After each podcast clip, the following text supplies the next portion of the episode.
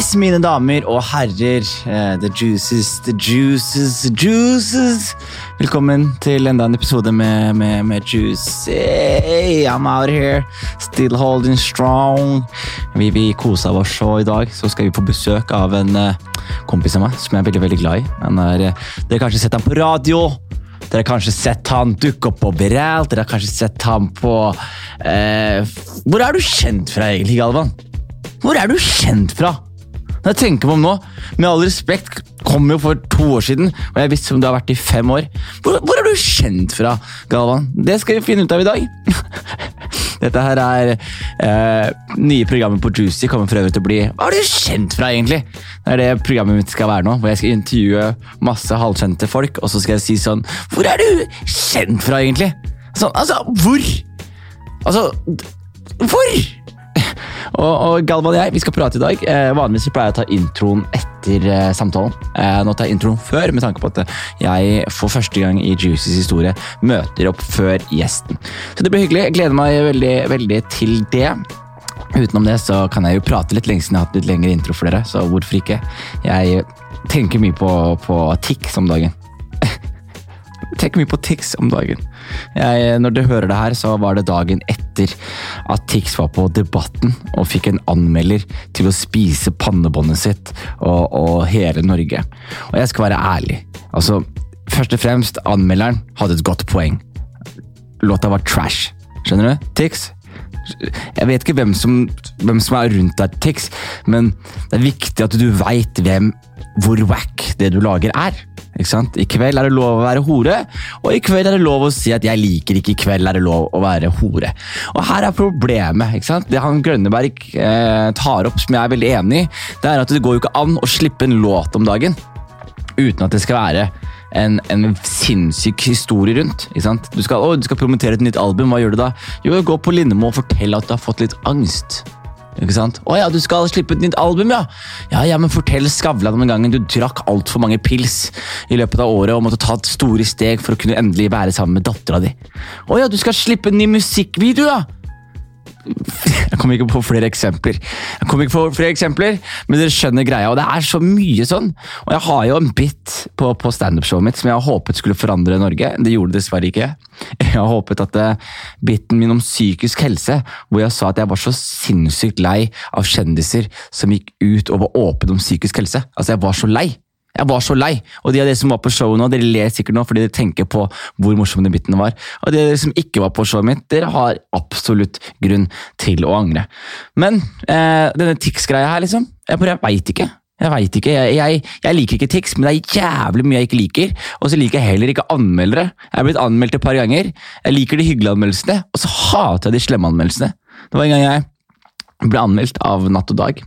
De ga meg terningkast tre på, på Kongen av Gulset. Og jeg har ikke det imot ternekast som et konsept, men er det én ting jeg virkelig hater, så er det hvis noen gir meg en treer. Ikke sant? Sånn som, Jeg vil at du skal se på det jeg gjør og tenke sånn, at det var dritbra, eller jeg hater det. Ikke sant? Podkasten er et perfekt eksempel. De av dere som fortsatt hører på, håper jeg dere liker det. Og så er det mange som hater det. Og det er sånn livet er. ikke sant? Så jeg vil, jeg vil heller ha en femmer og en sekser, eller, og en ener og en toer, enn en tre og firer. Ikke sant? Så, så Natt og Dag anmelder meg og gir meg en sinnssykt shit anmeldelse. Og jeg eh, husker jeg klarte ikke å slutte å lese der. Fordi jeg var så uenig i anmeldelsen. Og så var jeg også uenig med han der anmelderen. Han heter Ludvig Furu. Skriver fortsatt på, på Natt og Dag. Skriver fortsatt slemt om meg i ny og ne, forresten, så fuck you. Se hvor pett jeg er. Fuck you, man. Men uansett. Jeg eh, ender opp med å, å bade i priser. Ehm, og så vinner jeg en gullrute for årets nyskapning. Og da hadde jeg et Tix-øyeblikk. Hvor Tix fikk eh, debatten med på laget. Han inviterte anmelderen på debatten så han kunne spise pannebåndet hans foran hele Norge.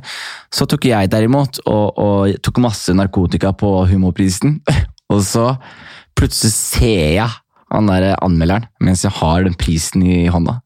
Så det jeg gjør, er at jeg går bort til anmelderen, og så tar jeg og hvisker inn i øret sånn Tenk at jeg vant den her! Tenk hvor mye du hata på det her, og hvor mye jeg vant. Og anmelderen, Det var veldig sånn klein stemning mellom oss, men jeg var veldig veldig happy med det. Og så i ettertid så er det noen som har tatt et bilde av det, hvor jeg står drita full med humorprisen og trykker den inn i trynet på en anmelderen og sier sånn Hæ, hvem skulle trodd? Og vet dere hva? Det var et petty øyeblikk, men faen så stolt jeg er. Og med det så kan jeg si at Galvan Mehidi entered the house, og vi er klare for en episode! Yes, baby!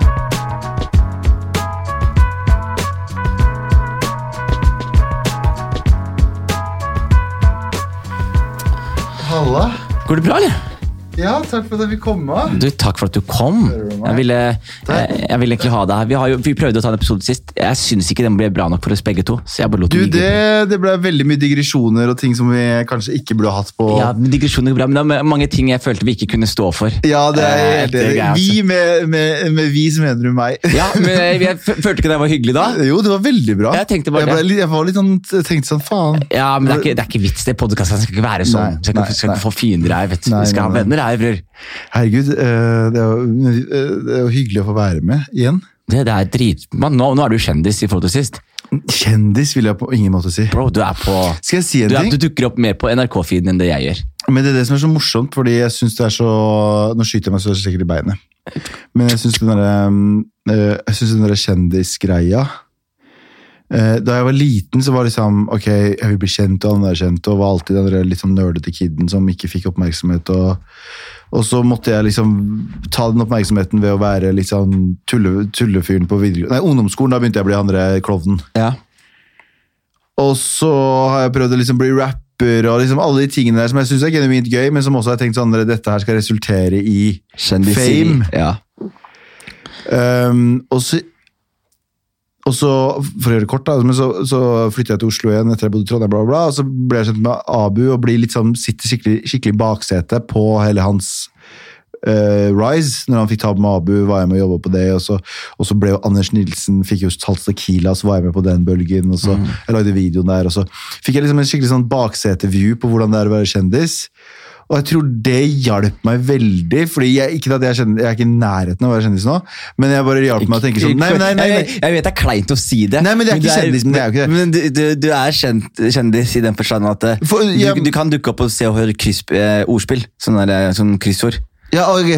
da hadde det vært veldig gøy. Men poenget mitt med det er bare sånn eh, den derre- tingen med å bli gjenkjent og sånne ting, som jeg trodde skulle være kult når du var mindre, den betyr ikke så mye Det her er veldig overfladisk. Nei, men jeg skjønner. altså, innser at ja, det her er veldig overfladisk. Nei, men vil, du høre noe? Vil du høre noe? Jeg har hatt sånn tanker om det her veldig mye i det siste. Mm. Akkurat om det her, om hele kjendiseriene. Fordi jeg har en veldig sånn spesielt veldig eh, Hvis du tror du har rart forhold til det, se for deg hvor rart forhold jeg har til det. Mm. I den forstand at jeg gikk inn i bransjen Og du, du hadde bratt jeg hadde bratt, men jeg gjorde standup. Ja. Og jeg elsket å gjøre standup. Og så for meg så handlet det om Det handlet ikke om å være kjendis, Mm. eller være kjent. Det handlet om at jeg vil gjøre standup, og jeg vil så mange som mulig skal se meg gjøre standup. Ja. Så jeg må gjøre noen moves for at flest mulig mul- har lyst til å se meg på scenen, gjøre det jeg skal. Så for meg så var liksom hele dette offentlige greiene var en sånn en lekeplass for å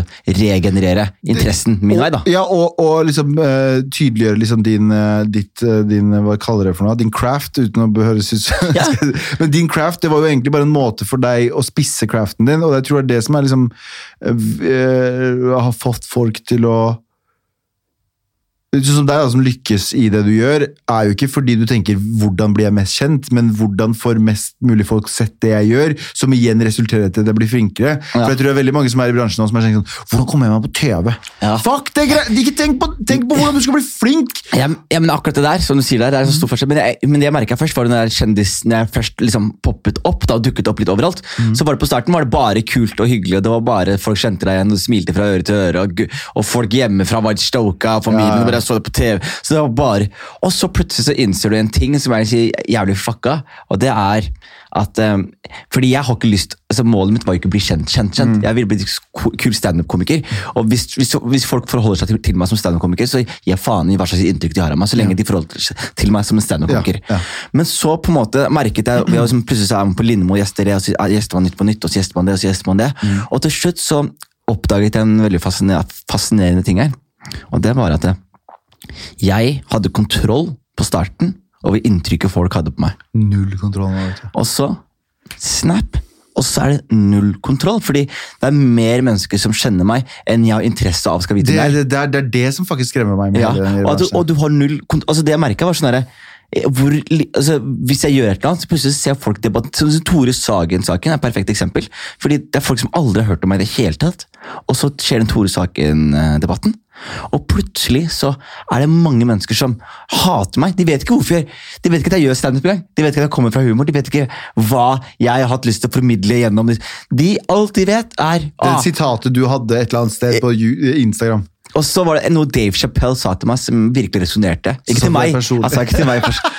Fikk det høres ut som en mye spennende historie Ja, det kom til å bli. Faen, jeg, jeg skulle ønske- Nei, men det er fint at du er- føler at han snakker til deg. Det er, veldig, det er noe fint i det. Ja, for han sa at eh, I wanna be I I don't wanna be a celebrity. I wanna be rich. Nei, I wanna be famous. Ikke sant? Han sa I don't wanna be a celebrity, oh, yeah. but I wanna be famous. Jeg vil ikke være kjendis, men, men jeg vil være berømt. Og det skjønte jeg, og det er der jeg har klasja. fordi jeg har jo lyst til å være berømt for det jeg gjør. i den forstand at Mm. jeg vil jo, Hvis jeg setter på et standup-show, så vil jeg at det skal være fullt. Men jeg vil ikke sitte på Paradise eller Kjendisfarmen sammen med Lasse og et eller annet og bare holde på. ikke sant? Skjønner du? Ja. Ja, det, så det er der jeg står, da. Nei, men Jeg er helt enig, og jeg husker for et par år siden så var jeg på et foredrag, og så så jeg Joakim Farsund, vet du hvem det er? Nei, Er, han- er han kjendis? Nei, det er han ikke her. Jeg så, han har lagd tre podcaster, nei, to podcaster ever. Han har lagd Det svarte flagget. Nei, tre podcaster har han lagd. Han har lagd Det sorte flagget, eller svarte flagget, som handler om IS-krigere. Den var dritbra. Dødsbra podkast, han har lagd eh, Orderud-podkasten før det. det var vel, Orderud-podkasten var vel første podkasten han noensinne lagd. Han er journalist. Ja. Og så har han lagd den, ehm, den åh, Nå får jeg dårlig samvittighet for at jeg glemmer den, men den om eh, Harald Eia og mista sønnen sin. Den Tobias. Ja, Tobias, beklager. Den, den fikk meg til å gråte. Ja, men han har lagd de tre podkastene, og jeg så han på et foredrag, og jeg ble starstruck. Skjønner du? Han er berømt Den! type. Den tenkte jeg. Da tenkte jeg sånn Det er dette som er gøy. Mm. Det er. Så, jeg, men jeg, jeg, jeg føler at det er veldig overflatisk når vi prater om det. Sånn seriøse Nei, men jeg synes, men ja, men vi, vi, er- vi er to mennesker som er unge, som opplever noe som er surrealistisk for veldig veldig mange. Helt Ja, og, for oss å og- og jeg tror det handler- reflektere rundt det. Og det handler også om den derre Alle er sin egen stjerne nå om dagen. Du har Clubhouse. Jeg beklager det. Null stress. Hvem er det som ringer, da? Eh, Det er Åse fra NRK. Oi, er det deals, eller? Nei, ja, det er det jeg ikke veit, men jeg har Bare ta den, bare, vi klipper fort til eh, Det var Åse skal hilse. Jo, bare sånn. Ja. I en tid der vi på en måte har Alle er, alle er sin egen kjendis, på en måte. Det er sånn eh, Clubhouse-kjendiser allerede. ja. Så jeg mener Folk som har sine egne grupper som de har daglig, som de kaller forskjellige ting som er sånn blitt populære, og folk kommer inn der og deler meninger og sånne ting. Eh, Så tror jeg det er viktig å innse sånn hva det innebærer, eh, og Jens snakker som om jeg vet, jeg er ekspert på det, men men at man merker, akkurat, akkurat som du sier, da, det er det som skremmer meg også, som jeg tror folk ikke tenker på. Det er den der, mm, mm, eh, mangelen på kontroll til en viss til, Du kommer til et punkt der du ikke Du kan ikke kontrollere, du kan ikke bare være smile. Se på Karpe, liksom. Snilleste gutta i verden. De har hatt sine stormer av alt mulig også. Så det er liksom sånn der, Uansett hvor snill du er, uansett hvor liksom Jesus du er, så kommer du til å bli felt når du kommer over en sånn magisk grense. Ja, men det som er greia som jeg tenker på også angående her, er Det, det her er også en av de deiligste åpenbaringene du skjønner. Og det er at jeg, jeg føler sånn som når jeg er i byen, da, så er det sånn jeg sitter, jeg gjør standup, jeg er komikere. Vi ser på noen og tenker sånn fy faen, det der er så rå, rå komikk å drive. For en rå fyr han er. Ja. så ser vi på noen og tenker for en taper han der er. Tenker, har null selvrespekt. Og så ser vi noen som lager musikk og tenker fy faen, dette her er bra. Og så ser vi noen som lager musikk og så er det sånn fy faen, dette er dritt. Og så zoomer jeg ut, og så ser jeg sånn å ja. 95% av nasjonen er uenig i min og vårt eh, dere, systematiske hierarki. da, ikke sant? For, for, oss, for oss er Karpe the goats, ikke sant? Ja. og Tix er en eh, eh, Gjøgler. En, kulturell taper. ikke sant? Jeg liker, altså, jeg liker, jeg håper jeg liker, jeg liker ikke fyren, jeg liker ikke fyren, så jeg skal ikke late som jeg gjør det, men, men Du liker ikke musikken hans? ja, men jeg liker ikke fyren heller. ja. Ja, men, jeg men i hvert fall- jeg vet ingenting ja, men I hvert fall ikke musikken. Hvert fall ikke musikken, ikke sant? Ja. Og når jeg ikke liker musikken hans, så plutselig så tenker jeg sånn Men faen er det som liker musikken? da? Hvem er det som går rundt og hører på Cookie eller der, Mm. I kveld skal vi alle være horer. Og så skjønner du Å ja, dette er Norges mest streamede artist.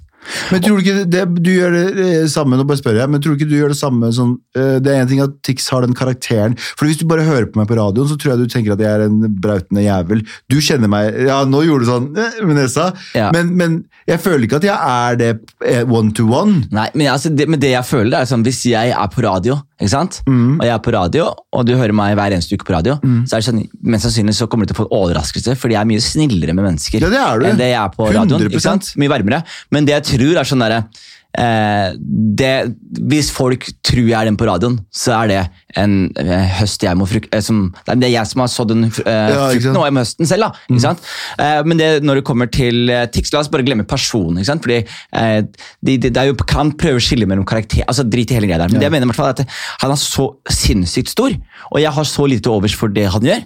Og så ser man eksempel hele den debatten her nå. Du ser for eksempel, I en Farmen kjendis er et godt eksempel også. Jeg ser ikke på Farmen kjendis, og så plutselig ser jeg hvor stort det er.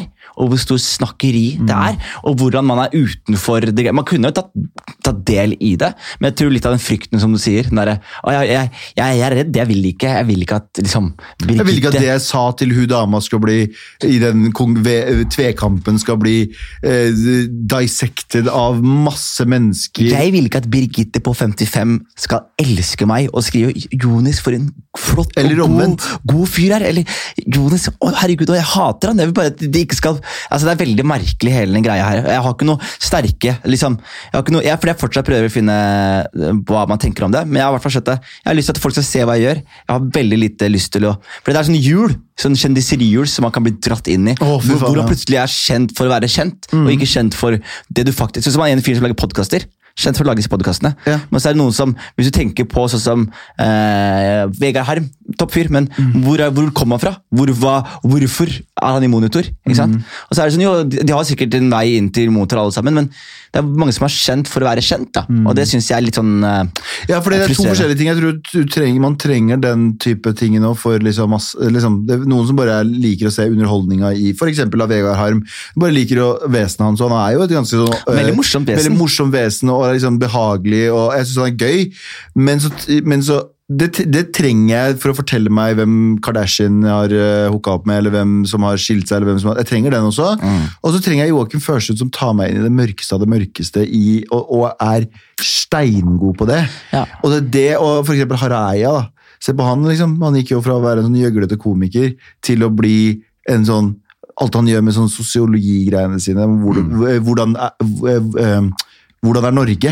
Har du Ja, sett den? ja. Eller hvor, Sånn er du, Norge, eller noe sånt. Der det, eh, han, eh, han virkelig går i dybden på hvorfor Norge er som Norge er, og bla, bla, bla. Sånne ting som det overrasker deg sånn dritfett. Mm. Men jeg tror bare sånn Jeg tror jeg tror det jeg ville med det helt fra starten, var bare sånn i, Som sagt, da, i en tid der vi alle sammen skal være så jævlig kjendiser. Hele Mm. gjengen skal være enten på Instagram, eller så på Snapchat eller på Clubhouse eller nytt og Ja. Så er det sånn Det kommer akkurat du, la, du ordla det ganske godt. Det kommer et punkt der du mister all kontroll. Uansett hvor mye du smiler i kamera Mm. og sier 'god morgen, alle sammen', så kommer du til Hva mener du med 'god morgen', hva med oss som ikke har en morgen? Mm, ja, ja, så jeg mener, ja. Og så vil du miste det, og han personen der er bare positiv på piss. ikke sant? Eller ditt og datt. Du kommer til å miste den. Så, og, og det, det var jeg heldig med, med at, liksom sånn, at jeg var backseat i Ja, og fikk liksom tatt en Jeg fikk se det utenifra. Og så fikk du bestemt deg litt for hvordan du ville forholde deg til det. Nettopp. Ja. Jeg tror Hvis jeg ikke hadde gjort det, så hadde jeg jo, og har vært så heldig og fått den jobben jeg har nå, så hadde jeg jo takka ja til alle ting, tilbudene som har kommet min vei, men nå veier jeg de opp.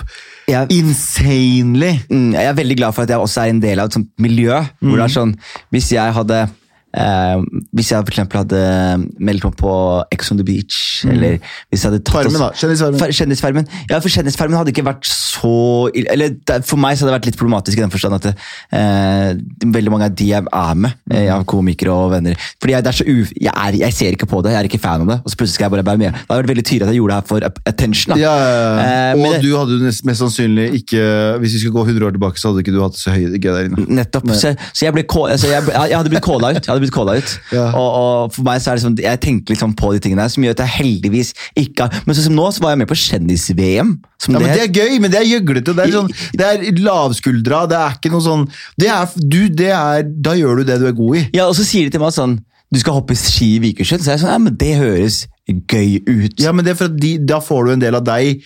Da er det deg, Fish Out of Water, i motsetning til Farmen, som ikke er et sånn humorprogram eller, Du hadde gjort det bra på Farmen, Galvan. Nei, jeg- Ja, men det er det. Du, du, hadde, Ja, du hadde ja. gjort det bra på Farmen. Ja. Ja, nei, jeg, jeg- ja, du har blitt spurt, ja. Nei, nei, ingen kommentar. Ingen kommentar. Jeg har ikke blitt spurt, eh, det skal sies. Men, eh, Men gjør du gjør det hvis du eh, får det?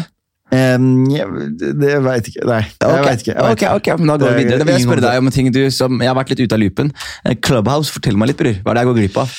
Clubhouse var veldig veldig gøy i starten. Det var liksom det som, eh, hvordan samfunnet fungerer på ekte. Det var at vi var en gjeng med utlendinger som kasta oss i den gruppa der. Det var bare utlendinger. Det var liksom, jeg ble rekruttert av eh, en som heter Ali. Ja, Ali samme, Ali. hadde prøvd å rekruttere meg også. Ja, ja, men han, han bare, du må gå inn i appen. Men da var det ikke sånn, da var det ikke sånn klein eh, folk som skrev sånn, hvordan være moderate. Nå er det bare sånn, ok, den app du kommer inn i, så er det masse grupper du kan velge. Basert, algoritmen er basert på hvem du følger, og så kan du få noe random. Så går du inn i en gruppe, så automatisk så ender du opp i en audience, der du bare sitter og hører på. Oppå audience der er de som har starta gruppa som regel, er moderatorer. Så kan de invitere inn folk og gjøre dem til moderatorer, eller, eller kan de bare være speakers. Så du har liksom to deler. Du har audience, og så har du speakers. Så det du kan gjøre, er at du kan lage en, gru du kan lage en, eh, en gruppe, kalle den hva du vil, enten den er åpen og offentlig, hvem som helst kan joine, eller om den er privat, det er bare venner og sånn, eller bare inviterte kan joine. Og det er basically det. Så i, i begynnelsen så var det bare liksom, vi var bare en gjeng med utlendinger som satt der og roasta hverandre. Det var dag inn, det var det gøyeste. Det var, som å, det var sånn som vi gjør vanligvis når det ikke var rona. Ja. Vi satt rundt, vi møtte hverandre på steder, på, vi møttes nede på, hva heter det nå, på Løkka der, vet, du, rett bak meg i basketbanen der. Ja, ja, Vi alltid møtes der, spiller, folk drikker litt, folk snakker piss, du er stygg, du har store, ører, du er hårete. Det, det er likt. Det var dødsgøy, og det var romjula. Men så begynte liksom hele den flowen å komme, og nå er det altså så sinnssykt mange mediefolk der, sånn sjefer og journalister, og så sitter vi og lager grupper, og så begynner vi å snakke piss og kødd om den og på den, og så ser vi, oi, der er en VG-journalist, en dritkjent VG-journalist som er i audience. Ikke sant? Da er du fucked. Ja. Så da må du enten lage private grupper. Da er det ikke noe vits å lage private grupper heller. fordi Før så var det gøy, fordi plutselig så, Oi, der er Blitz! Oi, der er den personen! Ja. Oi, der er, og de kommer inn, og det er lættis, og vi har det jævlig gøy. Men nå er det sånn Oi, der er jo eh, sjefen i nordisk PST, film. ja, følger med på den samtalen. Og der er nordisk filmsjefen. Der er den og den sjefen. Ja, fordi akkurat Jeg ble jo, var litt holdt på å gå inn på starten. Jeg har veldig høy stemme. Piker det med Ser du på et sted? På Nei, nei, nei, vi bare justerer det i post. Ja, ok, ok. Så Ja. det er limiter på det? Er Veldig. Ja. Eh, men vet jeg, jeg på, klubb, på Clubhouse på, på starten så ble jeg invitert, og så, måte, så så jeg bare gjennom kompisen min sin app. Og så så jeg på det, så var jeg sånn Først og fremst, hvis jeg, hvis jeg vil høre liksom, to folk snakke over hverandre, så har jeg en podkast allerede. Ja, ja, ja. Og så tenkte jeg nummer to, så er jeg bare sånn derre jeg, jeg tror jeg har skjønt litt altså, Nå skryter jeg litt av meg selv, men jeg, jeg skjønner litt for mye hvordan liksom, mennesker fungerer. da, Ja, ja. Og hvordan interesse fungerer. Folk har interesse ak Akkurat nå er jeg veldig heldig i den forstand at det er litt interesse rundt hva jeg gjør. Mm. Det er interesse rundt mitt eh, neste prosjekt. Det er noen som hører på podkasten her, noen som hører på Karakter, noen som hører på det. Det er litt interesse rundt hva jeg gjør. Um, og på samme måte som at man, hvis man blir liksom for eh, tilgjengelig med eh, lite Altså hvis det bare er sånn ok, casual Det er helt sant. ja, hvis, det, hvis, jeg, hvis det, er for tilgjengelig, så er det ikke noe magi rundt deg lenger. Det er ikke noe spennende rundt deg lenger. Og pluss, her kommer det greiene, det er at alle, jeg har tror om at alle mennesker er idioter hvis de får prata lenge nok. Ja. Og jeg tror Clubhouse er et sånt sted hvor du er sånn derre Jo lenger folk er der, jo mer Komfortabel. ja, jo mindre, jo mindre liker du det. Jo mindre, eller jo mindre syns det er interessant å høre de. Du er, ikke, ikke, ikke interessert i å høre de. da. Spesielt for folk, meg som lever av å prate. så jeg tror jeg liksom, Det å gå på Clubhouse hvor det er tusen andre som prater, det er sånn, da må man bare Da har du fått nok av de, det, det er faktisk helt sant. Det er liksom sånn jeg bruker, jeg bruker eh, Jeg har brukt faktisk et ikke-eksempel før, og det er Arif. eh, For vi som bor i Oslo, så er det liksom sånn Ok, du, på, på en del av de kjente utestedene i Oslo, så ser du alle de rapperne. Arif ser du basically aldri på byen. Chirag og Magdi, i hvert fall ikke Magdi, ser du aldri på byen. Så det at når du jobber i bransjen også, så ser du aldri en person og tenker sånn, å, der er han igjen, der er han igjen, der er han. Men når du først ser den personen, så tenker du, oh shit, der er han. he Og han lyser så, så, så, er Arif er et godt eksempel. Når Arif er inne i et rom, så er det sånn alle legger merke til det. Ja, fordi han ikke er der ofte. Yes. For Hvis han hadde vært der hver gang, så er det sånn ah, shit, der er han igjen. Men Arif er en sånn han, han vet når han skal trekke seg tilbake. Og, det er, og det, det, er, det er en kunst, det også. Ja, men, det er, men jeg tror også det er en veldig veldig, veldig stor kunst. For jeg tror også, Spesielt på starten av karrieren sin, eller i hvert fall det vi driver med, så tror jeg på starten så er det om å liksom være overalt og Ja. møte alt og alle og bla, bla. Men når man har landet det, så må man faktisk trekke seg litt bak og la nestemann ta og bråke litt. Fordi hvis du, hvis du gjør det riktig, så tror jeg liksom at da kommer folk og ser deg på show. Altså Det er, det stas å se det. Det er fortsatt stas å se det. Det er fortsatt spennende å se det. Det det som gjør Magdi så spennende, det som gjør Arif så spennende, det som gjør Chirag så spennende. Det er, det er rappere som har vært like store som de, men som ikke har klart å fortsette. Fordi de har enten blitt for tilgjengelige, eller det er, det er, ikke, det er ikke interessant lenger. da. Jeg er helt enig. Det er veldig spennende, det der. Jeg, men, men jeg var så, det jeg synes var veldig interessant med Clubhouse, Clubhouse, var at det var veldig mange av de gutta som var der inne, som jeg merka, og jentene, eh, eller folk generelt, jeg òg. Man er i sitt eget ekkokammer og ikke hører på hva andre har å si. Og når du kommer inn der, så ble det ekkokammeret veldig sånn Vi har hatt veldig mange diskusjoner der inne. Sånne innvandrere, eh, minoriteter i underholdningsbransjen. Og så er det, og så er det sånn samme regler, sånn, eh, men de vil ikke ha oss, de vil ikke at de skal lykkes, bro. Og så, og så ser jeg liksom plutselig noen andre folk som er i bransjen som også er innvandrere, som er sånn, de har veldig mye like meninger som meg, som er sånn, det, finnes mange faktorer, det er ikke bare en faktor om at jeg er sånn, å ja, nei, de bare liker deg ikke, og du er annerledes. Det er sånn, det er eh, nødvendigvis ikke én grunn for at du ikke lykkes, det er multiple. Og det merka jeg at de diskusjonene ble mye mer fremheva i de gruppene. De starta veldig sånn ensidig, sånn det er ikke, det er ikke innafor å være utlending, og de liker ikke tingene våre, til jo, det er i noen deler en stor fordel, og en annen del er sånn, kanskje du ikke er flink nok, bare. Jeg? Kanskje du ikke Er leverer ja, nok. nyansene, men Dukker de opp mer og mer? Ja, si?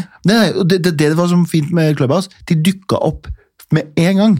Med en gang så ble folk sånn Det var ekkokammer inne der. Jeg snakka med gutter som jeg aldri Hele den unge rapperbølgen plutselig er der inne og snakker om ditt og datt og ditt og datt. Og så kan jeg chime inn, og så er de sånn 'Å, jeg er enig', eller så hører jeg ting fra deres ståsted som jeg ikke har tenkt på før. Som er sånn 'Å, jeg ser det fra deres øyne'. Så det likte jeg veldig godt i begynnelsen. Og nå. Jeg hører diskusjoner der inne som er sånn 'Oh shit, den er en reflektert diskusjon med ytterpunkter, og ikke bare en sånn narrow det, dette er rett, men sånn, oi, det er de fra de gjengene og de fra de gjengene som prater som ikke har egentlig noe sosialt og kulturelt med hverandre å gjøre, men som kommer sammen og er sånn Å, vi finner en middle ground. Det ble, det ble veldig sånn stoka over Clubhouse. Så selv om det har blitt en meme, og alle har blitt sånn, begynner å rulle øya sine når du hører Clubhouse nå, sånn som jeg også blir, så var det sånn Shit, her er det en common ground-greie, da. Og Tror du det er fremtiden, eller? Nei. Jeg tror, eller, nå kan jeg, jeg må spise mine egne ord om seks Men tror, jeg, måneder. men tror du det er en fadese, eller tror du det er eh, fordi Nå det- er jo folk så sultne på kontakt, ikke sant? Jeg, at jeg, tror akkurat, jeg tror også det er litt det som er greia, at folk er litt sultne på kontakt, og jeg tror også at man glemmer litt sånn eh, eksempel Teams, da. Hvis Clubhouse hadde vært Teams, liksom, så hadde det ikke funka. Og så er det spørsmålet hvor, hvor eh, Det er bare fordi folk Det er lavere teg... Og jeg tror også her er Det det, kan er utvikle seg til noe annet, men jeg tror at det kommer til å stoppe. Sånn, Jeg kommer ikke til å ha noe ønske om å være på Clubhouse når jeg kan gå på blå og drikke ute der Mm. på en fredag ettermiddag. Da kommer jeg til å si fuck Clubhouse. Det spørs hvor mange følgere du har der, da. Du har, Jeg har sånn- ganske mange da. Hvor mange har du her? Jeg har 2100. Ganske mange. Ja, det er ganske mange. Og det Clubhouse har 3000 folk totalt. Hæ, nei, er flere millioner. Jeg kødder. Men la oss snakke om Mysen, bror. Nei, er det, er det det som står på blokka? Mysen? Det står, her står det kjendiseri, 11 minutter. Det var da vi var i telefon, så jeg må klippe ut det. Ja. Tix med store bokstaver. Og nå står det Mysen her. Ja. Fordi jeg har, vært, jeg har vært på Mysen. Har du det, ja? Jeg har gjort shows der. To anledninger. Har du gjort shows i Mysen? Ja, jeg, jeg gjorde også når jeg skulle gjøre walkshowet mitt på Sentrum Scene. Mm. Så satte jeg på en, eh, bare, jeg måtte bare være med på showet. Så jeg, så jeg booka opp noen kjappe gigs bare rundt Oslo. Og da dro jeg til Mysen. Og, Oh, det, og jeg kommer aldri til å glemme Mysen da, fordi det var en annen somalisk komiker som eh, jeg liker veldig godt. Men han har, eh, han har liksom akkurat begynt, da. Så han har veldig sånne vitser, sånn eh, som, somaliske vitser. Ja. Veldig sånne somaliervitser. Ja. Og jeg kommer aldri til å glemme hvor mye Mysen lo.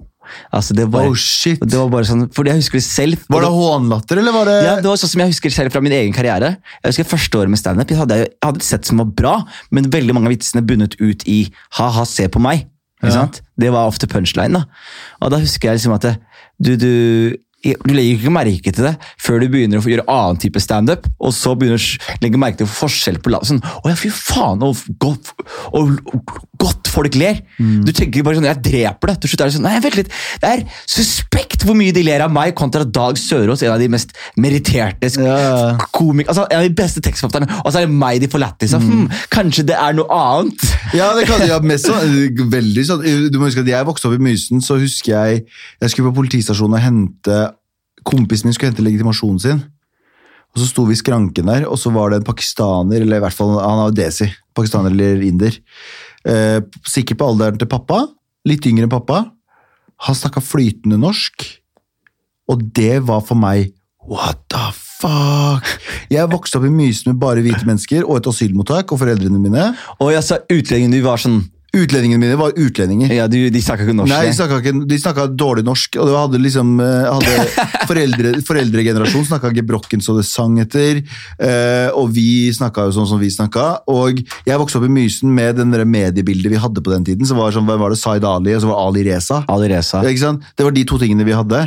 Så når jeg sto i køen der, og så var det en voksen mann som snakka rent norsk, og han var brun, han var brunere enn meg, da husker jeg at jeg var sånn Jeg så bort til kompisen min, som også het Anders da òg. Veldig random. Du, tiltrekkes de ja, norskeste bare- Veldig navnene. Anders. Og jeg husker jeg snudde meg til han, jeg bare pekte. Det var bare sånn For meg så var det utenkelig at en brun mann på alderen til pappa snakka Og jeg tenkte ikke på at folk kom på 70-tallet, Ja. ble født her, eh, kom hit da de var små. Mm. For meg så var Jeg var utlending. Jeg kom hit da jeg var tre på 90-tallet, og alle i alle min alder og over snakka ikke brokkent. Det er helt sykt. Så jeg husker det var helt sånn Så Mysen var litt sånn utsulta på å liksom møte innvandrere. Men jeg tror for min del så hjalp det, forma det kanskje retorikken min om at jeg følte ikke at jeg hadde det ille som innvandrer, selv om jeg ikke passa inn i det hele tatt. Jeg, jeg, jeg Skal vi ta den innvandrerdebatten? Jeg ja, ja, jeg, jeg, jeg, jeg, syns det- er dritfint. Fordi det som er gøy, Du hadde jo sånn et valg som er sånn enten liksom hel, For jeg tror også det, det er litt sånn man sier, men det er enten valget til å sånn helnorsk Ja. eller ikke snakke norsk og henge med de fra asylmottak. da. Jeg henger på asylmottaket. Pappa, pappa hang oss på, vi hang på asylmottaket hele tiden. Fordi det var, det var, han hadde folk Han hadde vennene sine der. Ja, men selvfølgelig, og jeg skjønner Se fra han, da! ja, ja. Se fra han da, Reist faen meg helt fra Kurdistan. Er på Mysen, Ingen ingen, rundt han. Ja. Han må stikke til Mysen og møte de som kom rett fra krigen. Vi feira id der, vi klipte oss der, vi gjorde Alt gjorde vi på asylmottaket. Så var det sånn, pappa, vi har fått et eget fucking hus her. Vi har, vi har muligheten til å integreres, og så flytter du oss nærme asylmottaket. Hva er det du gjør for noe? Kan bare La oss i hvert fall leve. Vi kommer helt på er- for å bo, bo ved et asylmottak. Det er veldig veldig gøy. Bare Du kjører Pappa, vi har vi Vi vi kom, vi kom herfra, jo! Vi ikke være her. Har Jeg vil være med Anders, jeg vil ikke være med Ahmed. Han tar tingene mine. etasjes hus, kan vi være sånn bo der? Nei, nei, vi skal på asylmottaket, alla. Det er faen meg Fordi, campe, kalte det. fordi det jeg tenker altså, eh, Du vet jo selvfølgelig det her mye bedre enn meg, men jeg også tenkte sånn, alltid sett på livet mitt som sånn Alt har vært fryd og gammen, om jeg kan bruke de norske store jeg kom på nå. Fryd og gammen. Jaggu, så Det, det var så fryd, og det var så gammen, det. Og så på en måte så zoomer jeg ut, i hvert fall den tiden alderen jeg er i nå.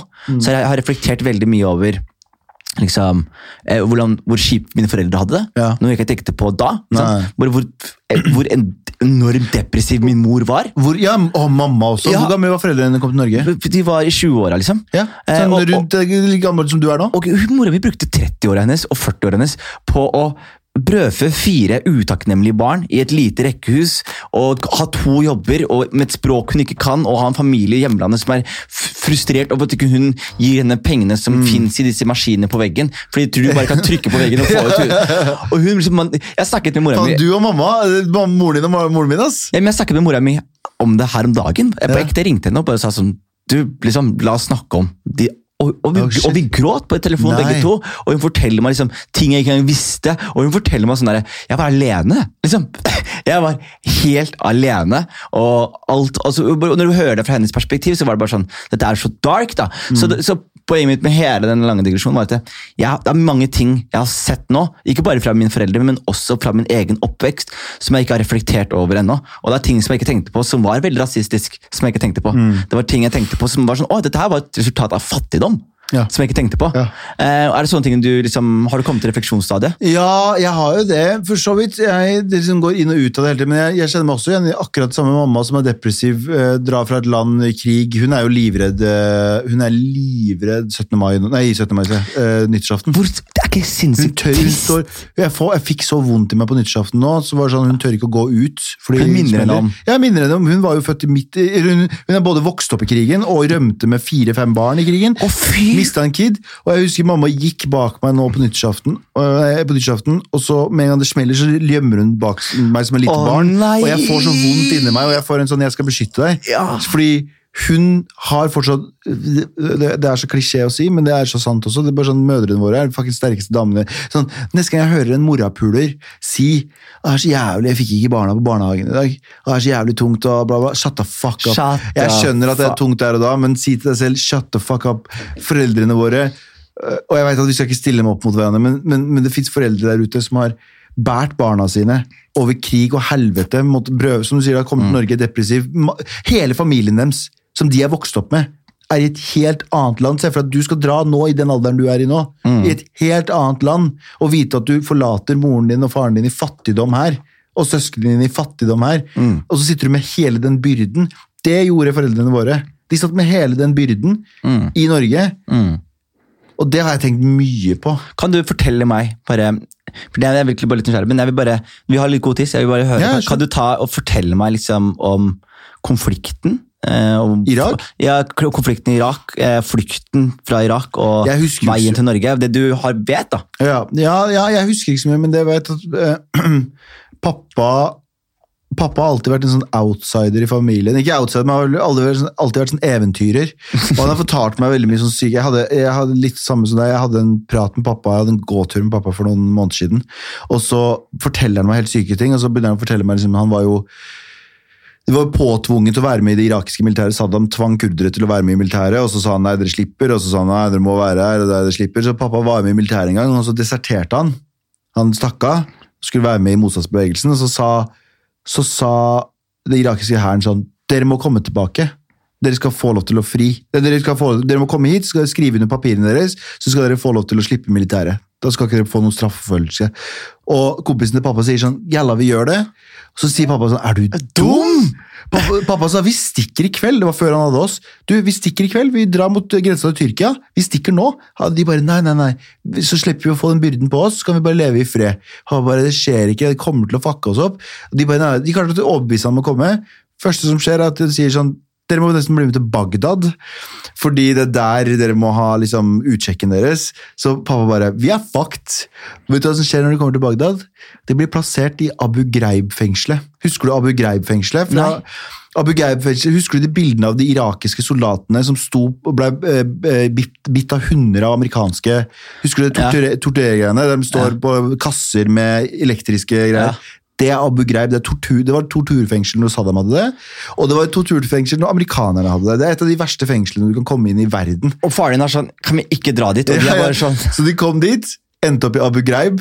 Eh, pappa sa det var overraskende hyggelig der.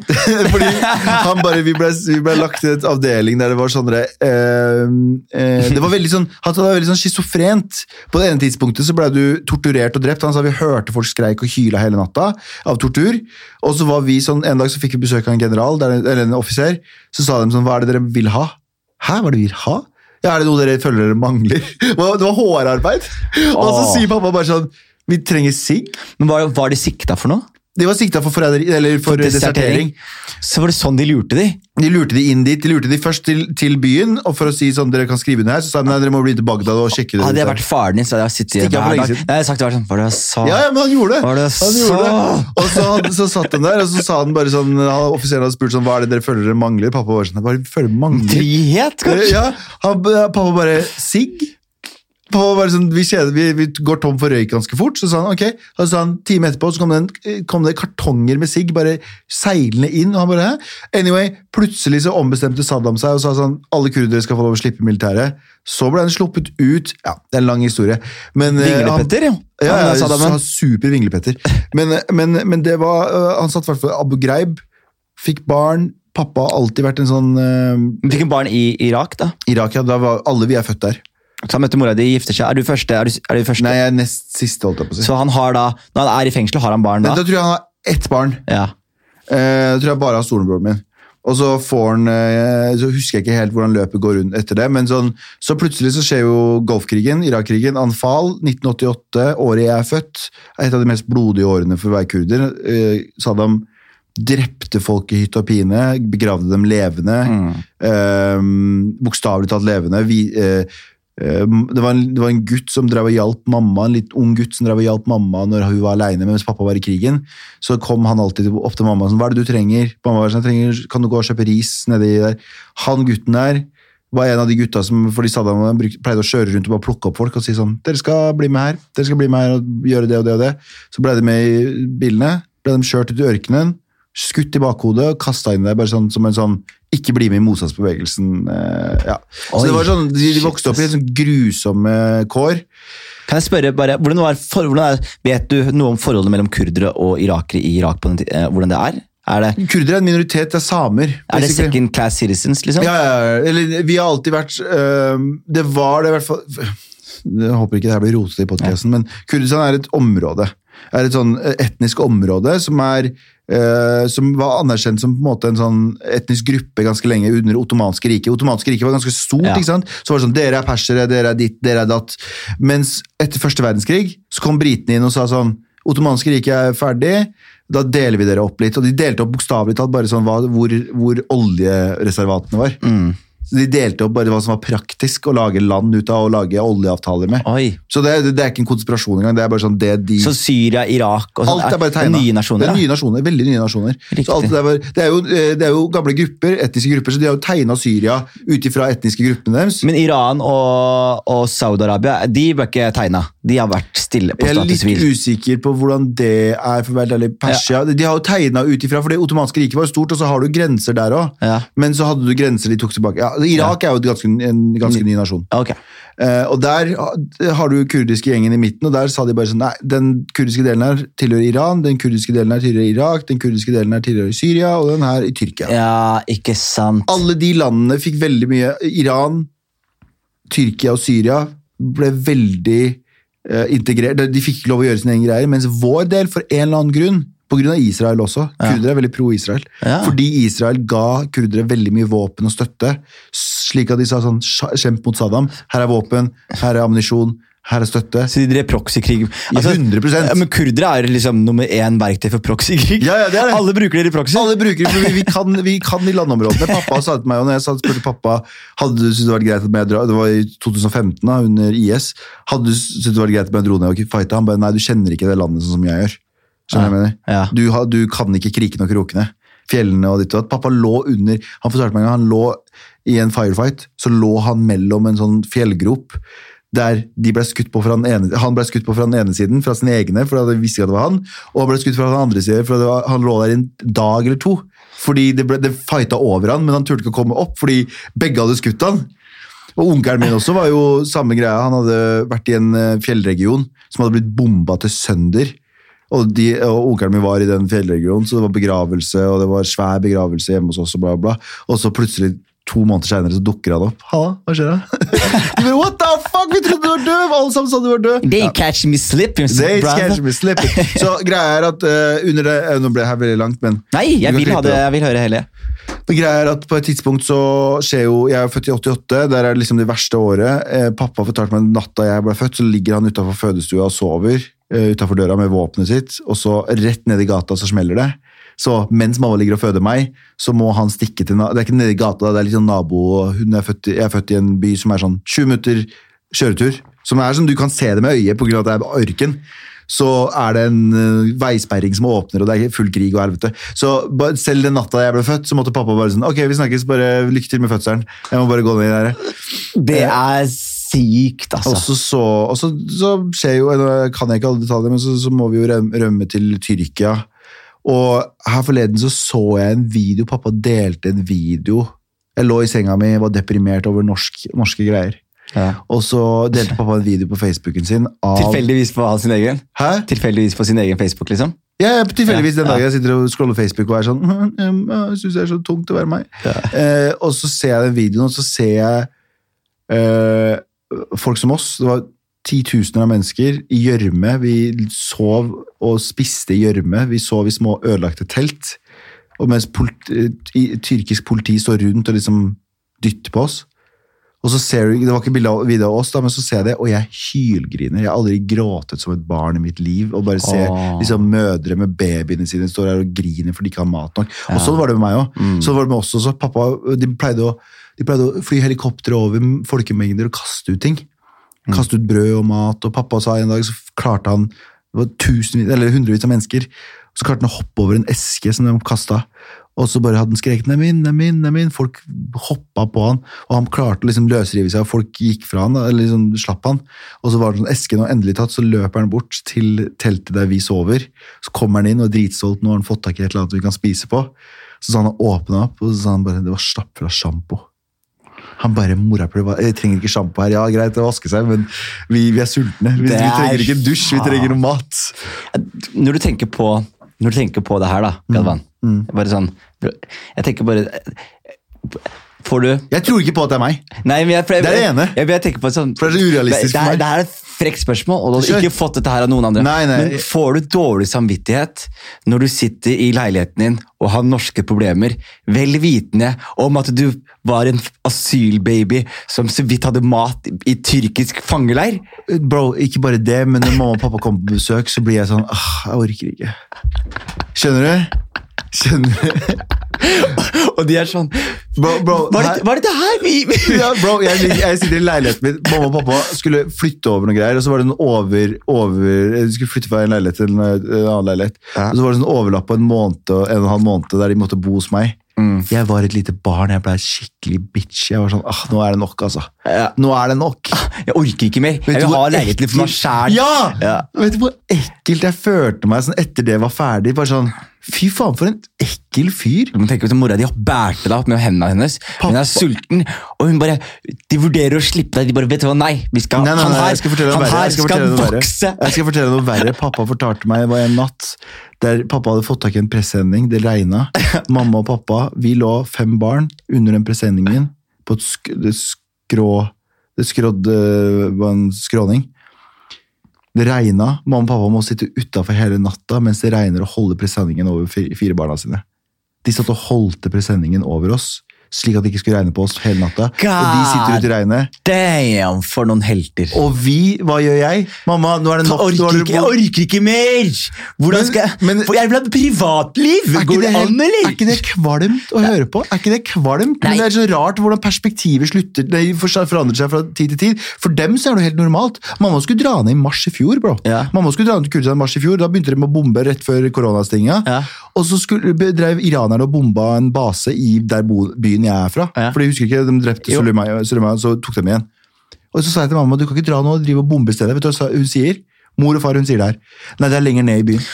Vet du hva? Mora mi Mora mi, Vet du hvor hun er akkurat nå? Nei. Hun er i Mogadishu. Sverg. Hva er det som skjer i Mogadishu akkurat nå? Det er opprør, det er krig mellom rebels og uh, myndighetene. Og vet du hvorfor mora mi er der nede? Nei. Hun har vært der nede i elleve måneder. Jeg har prøvd å få henne hjem Fy hver eneste måned. Jeg prøver å få henne hjem hele mulig. tiden.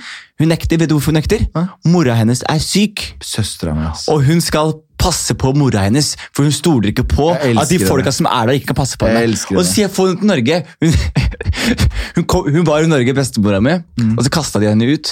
Fordi hun hadde da vært her, og mamma hadde- hun skulle være seks måneder, så hun hadde maks være her i seks måneder. Og så måtte de, så de Så var, det første gang ut av Mogadishu? Nei, hun, hun bodde i Canada en stund. ikke Ja. sant? Vi er ta- ordentlig i Canada, så, så de sendte henne hver fram og tilbake Canada og Norge som en varm Ja. potet. ikke sant? Og så til slutt Norge er sånn Hei, hun har vært her for lenge. Så hun ble banna fra landet. Og mutter'n er sånn Det går ikke an, det er jeg er den eneste av barna som passer på henne. liksom. Og så sier plutselig, mens best, før bestemoren min debent, hun sa 'jeg vil ikke dø i Europa'. Ja. Så de tok henne til Somalia, og så på en måte, så tror jeg også litt mora mi Eller jeg skal ikke si det høyt, men jeg tror, jo, jeg må si det, men jeg tror de så for seg at hun skulle dø litt før. Ja. Ja, men herregud, det er jo, ja, men jeg skjønner hva du mener. Ja, så hun- at man trodde at det var kortere tid, selvfølgelig. Men hun, hun er der nede, og du merker hun bare hun jobber. Og det er helt utenkelig for henne å ikke være der. Mm. Og så plutselig sitter jeg og tenker sånn Uff, og så merker jeg sånn, Når jeg prøver å få mamma hjem hele tiden, liksom, Mm. så, så merker vi begge to sånn jeg hadde ikke klart ti måneder altså, jeg elsker deg mer enn alt, Men ti måneder men ti måneder med spiseskje inn i munnen, liksom. Mamma gjorde det samme. Mamma, bestemor døde også på samme måte. Ja. Mamma var der Vi har, vi har veldig like mødre. Ja, hadde du klar, Vi har veldig like men Hvis mora di nå er syk, da. Hvis mora di er syk nå. Og så selvfølgelig, du skal passe på henne, men hadde du vært, i, Kur hadde vært i Kurdistan i elleve måneder Det er så sjukt, det.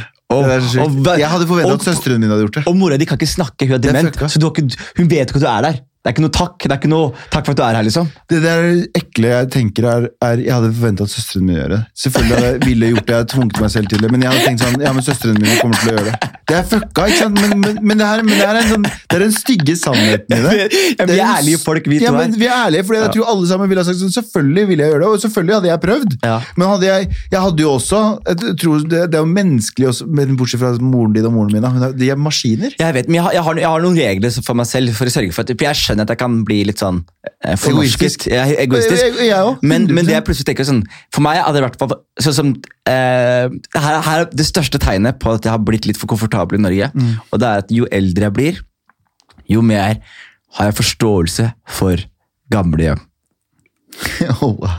Skjønner du? Sånn, Det er en standup-bit. Det en Ja, men, jeg, men når jeg var yngre, gamlehjem var sånn Jeg, poh, jeg spytta på bakken når jeg gikk forbi gamlehjemmet, Jeg var sånn, Ser du det huset her? Vet du hva nordmenn gjør her? Hva da? De disrespekter familien sin her. Skjønner du? Det er her de ikke gidder å passe på faren sin lenger. De bare jetter den til en underarbeida helsearbeider. De, de, de, de, de, de, er Underbetalt. Underbetalt helsearbeider. Ikke underarbeidet, men Nei, ikke underbetalt. overarbeid. Overarbeida, underbetalt helsearbeider. Ikke sant? Og så på en måte mm, eh, Så eh, sitter jeg og dama har fått oss hus nå, bla, bla, bla. Merker liksom ting skal skje. Og så, så Pappa og jeg pleier alltid å kødde med det, men så sier han sånn ja, Jonas, husk at når vi blir gamle, vi skal sove hos deg. Og de har alltid køddet om det. Ja. Og så plutselig var det sånn Åh, Hvordan skulle det fungert i praksis? Du vet at du ikke har nok rom å kjøpe. Er dere med og pitcher inn i lånet, eller hvordan, hvordan fungerer det med personen deres? Hva tenker du om gamle liksom? Ja, men så har jeg begynt å tenke på det samme. Jeg tenker sånn, vet du hva, Mamma hadde likt å være sammen med folk, tenker jeg. På sin egen alder. Vi trenger folk som kan gi, passe på henne og gi henne Det det er vi ikke bare det, men det er sikkert damer der på sin egen alder. Hun kan gjøre hyggelige ting. Mamma elsker å sy. Og, så, og den dagen de opp... Er ikke det ekkelt? Men hvorfor er det sånn Hvorfor er det sånn at man øh, Jeg, jeg, jeg skulle ønske jeg var totalt se, øh, uselvisk og bare sånn Men selv med alt jeg forteller, så har jeg en evne av grådighet. Er det, men jeg, jeg, det, det, jeg tror ikke det ligger jeg tror, Nå skal jeg ikke snakke dritt om den norske kulturen, for den norske kulturen har gitt oss det beste vi kan få. Ellers hadde vi ikke bodd der. Ja, ja. Men jeg tror, sånn som når jeg ser fetterne mine i Kurdistan, så er de mye flinkere på den familiegreia enn det jeg er. Anders Nilsen i dag eh, calla oss ut på det. Mm. Han på radioen. Han sa Han sa eh, det er for Vi prata om kultur og mat og folk som kommer på besøk og tilbyr mat. og Sånn, så sa han sånn, dere fuckers. Når var det sist dere inviterte meg på noen sånne kulturelle dager? Sånn, så jeg mener, sånn, der dere hadde mat på bordet, og det var når, Og vi bare sånn Faen, vi har aldri gjort det, vi. Så hvorfor faen skryter dere så jævlig mye av at dere, kulturen deres er så mye bedre? Sånn, dere, nei, foreldrekulturen deres er bedre på det. Ja. Og jeg tror fetterne mine i Kurdistan er også mye flinkere på det. Jeg tror de hadde, sånn, tar vare på moren sin og tar vare på foreldrene sine. Jeg tror, jeg tror, jeg skal ikke skylde på den norske kulturen, ikke i det hele tatt, men jeg tror vi har blitt også fått den samme greia, men forskjellen på den norske kulturen og den kurdiske kulturen eller norske mennesker og kurdiske mennesker er at foreldrene mine er 55 år gamle. Pappa er 56 eller 57. Nei, han er 58, han. Og du er 42, så de. Men du er på ekte hvor gammel da? Jeg er 32. Du er 32, Ja. og faren din fikk er de fikk, pappa fikk meg når han var 28. Han fikk deg når, når han var 28, og du var nest sist. Av, Ja, han fikk den første kiden sin da han var 20. så, og, så, og siste kiden han var Eh, når han var eh, 30. Og mellom 20 og 30 så fikk han hvor mange kids? Fem kids. Fem kids! Kids på ti år. Mens- Annethvert år nesten fikk han en kid. og hva gjorde du, Galvan, mellom 20 og 30? hva gjorde jeg mellom 20 og 30? Ja, ja, ja. Nei, Gamla og byen Men, og men det er det greiene der. Jeg tror det bare handler om at vi har kommet til en kultur der vi også ser Men forskjellen på de er at pappa er jo, pappa er jo 58 år gammel. Men han har Ung, da. kroppen Ja, men det er det! Han har kroppen til en 70-åring. Eh, Sigaretter, da. Han røyka før, Ja. Mm. men han har liksom hjerteproblemer, og han har liksom sånn som jeg og kommer til å få. Arvelig Stress er slitasje, vet du. Ja, ja, slitasje som faen. Og eh, det har vært røyking, og det har vært liksom sånne ting. Så han har sånn, han har ikke dårlig helse. Men jeg tenker sånn, han sa det, han, han sier det han òg. Han bare sånn 50 kurdisk er 70 norsk. Ja. Skjønner du? 70 norsk er eh, 70 kurdisk er 100 norsk. Mm. Eh, så det er liksom forskjellen er det samme det der òg, at nordmenn kan bo for seg selv lengre. ja. Og når de kommer på gamlehjem, så er de fortsatt veldig aktive. Ja. Mens tror, våre er Hvor gammel er bestemoren din? bestemoren min er eh, hun, Jeg spurte når jeg var i Somalia. de vet ikke, kanskje? De sa hun er mellom 90 og 100. Ja, og det var for ti år siden, så hun er mellom okay, og- 100 og og hun er såpass gammel. Gammel, gammel, gammel, gammel. Men, men det som jeg tenker på, som er litt greia med oss to, Galvan. Jeg tror liksom Nå går jeg ut og skryter litt av oss begge to. sure. Men vi er eh, både på en måte innvandrere, men vi er også veldig veldig intellig- intelligent oppgående. I den forstand at vi vet hva som er jeg vet hva som er uunngåelig. Skjønner du? Sånn, det er ikke vits å krige mot å bli integrert. Det er ikke vits å krige mot å bare liksom eh, At kulturen vår blir vanna ut. Mm. sant? Det er ikke noe vits å krige om det. Du må Fordi- leve livet og se hva som skjer. ja, men ikke bare det også, men det er samtidig sånn derre Hva tror du, bar, tror du barna mine kommer til å snakke somalisk, liksom? Tror du dine kommer til å snakke kurdisk? Nei, det har jeg alltid tenkt på. Jeg har tenkt så mye på det. Ja, vi, kom, altså, vi, vi, kan- godt gå rundt opp på Clubhouse og snakke om hvordan vi skal løfte innvandrere fram, men mest sannsynlig så er vi ikke innvandrere om 15 år. Ja. ikke sant? Men sannsynlig så er altså, de problemene vi møter på, Ja, er ikke samme. kommer ikke barna mine til å møte på. i den forstand at liksom, Og i hvert fall ikke barna dem selv, og i hvert fall ikke Mm. Barna barna, selv, selv. fordi da er vi utknulla. Ja, og det er liksom som jeg sa til deg, den der, det, det ikke issue, men bare for 15 år siden, 15-16 år siden, Mm. nei, kanskje litt mer enn det da, men uh, si 17 år siden da, når jeg ble sjokkert over å se en brun mann snakke flyttende norsk, det kommer aldri kidsa våre til å oppleve. De kommer aldri til å oppleve det, fordi de ser brune folk snakke Når var det snakke første gang du, eller kanskje det er vanskelig for deg å si, Nei, jeg, jeg, husker, jeg husker mine første svarte rollemodeller. For det, Ja. det starta først med det. liksom at det var eh, Alle fotballspillere jeg likte først, var hvite. Som Del Piero, Pavel Nedved og sånn. det ringer noen bjeller. nei, jeg er ikke noen fotballfyr. Men så plutselig så kom det en kameruneser som het Samuel Eto. Og spilte Norsk? For, nei, for Barcelona. Ja, eh, fra Kamerun. Ja. Og da husker jeg først bare, ah, jeg digget han. Og så plutselig så var det en spiller som kom til Odd. Mm. er I Skien, som het Oliver Ocean, kanadisk svart. Elsket han. Oh. Og så plutselig på en måte, elsket jeg rappere 50 Cent, og så plutselig innser jeg liksom Å ja, jeg søker eksternt etter svarte rollemodeller. ja. Om det, altså, jeg husker til og med læreren min hun spurte hva jeg hadde lyst til å bli når jeg ble voksen. Og vet du hva jeg sa, eller? Skutt ni ganger. vet du hvorfor jeg hadde lyst til å bli skutt ni ganger? 50 Cent! Og, jeg, og, det var, og, det, og det var helt uironisk. Jeg, var sånn, jeg tenkte til og med på hvor jeg skulle bli skutt. Jeg tenkte, Hvis jeg får tre i ermen og fire i den andre ermen, så slipper jeg å få så vondt. Ja. Nå har jeg blitt skutt i teorien. Hvilken årsmodell er du? 92, bro. Du er 92, fire år yngre enn meg. Ja. Så, så, så jeg så veldig eksternt. Så når du kom til Norge, første i Norge var jo Jeg husker kunsten å være inder. Ja. Når Ja, ja, ja. Chirag rappet den det, var, det er veldig rart, men det sier litt om hvor mye kunst skal bety for folk. da. Men kunsten å være inder sånn, Jeg har sagt det til Chirag, og det er ganske et fint Jeg hadde likt å høre det hvis, hvis jeg var Chirag da, men vi sitter da i en Gu- Gulset Stiråsen barneskole. Vi er en innvandrergjeng på 12-13. Han ene hadde en bror som hadde Walkman. Skjønner du? Ingen hadde råd til Walkman. Han, han ene hadde en bror som hadde råd til Walkman. Så i storefri så hadde han liksom funnet Karpe-låta på LimeWire, og alle skulle få lov til å høre på den. Så han gikk ut, og så hadde han headset, og så var det sånn, det var min tur til å høre på den. Oh, shit! Så satt jeg og hørte på hele låta mens alle sammen ventet rundt meg. Og så når jeg var ferdig, ok, jeg er ferdig. Og så er det sånn, ok, andre, det er min tur. Det er jævlig kult. Og så gikk vi på, og innen liksom, for alle sammen rappa litt sånn, innen det friminuttet var over, alle kunne verset utenat. Alle kunne være skøyta. Til en dag i dag, alle kan være utenat. Liksom. Og, det, og det husker jeg bare var sånn, fordi det var, han satt til barstenen som sånn der, ringer meg hver gang, nei, han sier sånn, jeg er på fest, og chicksa spør meg om B-gjengen. Ser jeg ut som Al-Qaida? Ser jeg ut som Bin Laden? Nei, bitch, og hvorfor spør du meg, da? Ja, ja. Og så bare, og så plutselig var det den der, ei, jeg var utlending! Ja, Det var bare ingen som hadde gjort det før. Og faen, det tenkte jeg ikke på. og så kom eh, Madcon på Mm. The Voice, og var Josef og Sjave på The Voice, og bare var de kuleste gutta. Stemmer og hadde det, det masse energi. Det var starten min. Jeg, ikke, ikke Zaid Ali, Lisa Tønne, ingen av de har gitt meg noen ting. Eh, Jeg, jeg tror jeg er den første komikeren som kan i hvert fall si eh, at innvandrere ja, i humorverden kan si sånn ok, tommel opp. Liksom. Jeg tror, jeg, jeg, ingen, sånn, ja, det er faktisk sant. det. Mm. Jeg tror liksom veldig mange har sånn som Lisa Tønne liker jeg veldig godt. Jeg syns hun er uh, gøyal. Men den der hun var liksom ikke en innvandrer. Men vet du, hva? Vet, du hvem som, vet du hvem som uh, gjorde det for meg? men da? Og det her snakka vi om med Abu òg. Robert Stoltenberg i den pakistaneren. Mener du det? Fordi det som var så morsomt med den, var at den, vi snakka om den, hvorfor den var innafor og ikke var så utafor. var fordi Ja, det var brownface med en motherfucker, Mm. men det var en positiv stereotyp. Han drev en blomsterbutikk, og sønnen hans også drev en blomsterbutikk. Og jeg tror alle, sånn som Abu sier, at pakistanere lot den slide, for det var sånn Ja! Du, du, du, du portretterer det på en fin måte. Ja, Spesielt i de tidene. Ja, for Lisa er- Tønne var liksom, heter Ali Reza, som var et iransk navn, men snakka som en pakkis. Og eh, det var blanding av det, og så var det veldig stereotypisk. Og så hadde du Zaid Ali, som egentlig bare var Han var litt sånn eh, Vegard Tryggeseid på den tiden. Mm. Ikke på en negativ måte, men sånn, Ja. han var litt sånn antihumor allerede da. Um, mens, mens Robert Stoltenberg sin, som er veldig merkelig, men du merka at hjertet hans var på riktig sted. Mm. Det var ikke sånn 'nå skal jeg drite ut'. Det var bare sånn 'jeg har en pakistaner som ser sånn her ut i- nede i blomsterbutikken min', jeg. kanskje jeg skal se litt ut som han'? Og, og det, og det, og det synes jeg er fascinerende med akkurat det. også. En veldig fin observasjon. Jeg har ikke tenkt på det. Nei. Jeg har ikke noe forhold til det, så det er veldig fint. Og det jeg har tenkt mye på også er sånn at noen sa sånn at det, å, du kan kødde med noen ting lenger. Og så tenker jeg bare sånn så jeg har tenkt mye på akkurat det. Hvordan lever i en tid nå hvor det ikke går an Har folk blitt litt mer stressa? Og, og så plutselig er det sånn Nei, nei, nei. Det er bare at folk Nå er det flere som har noe å si.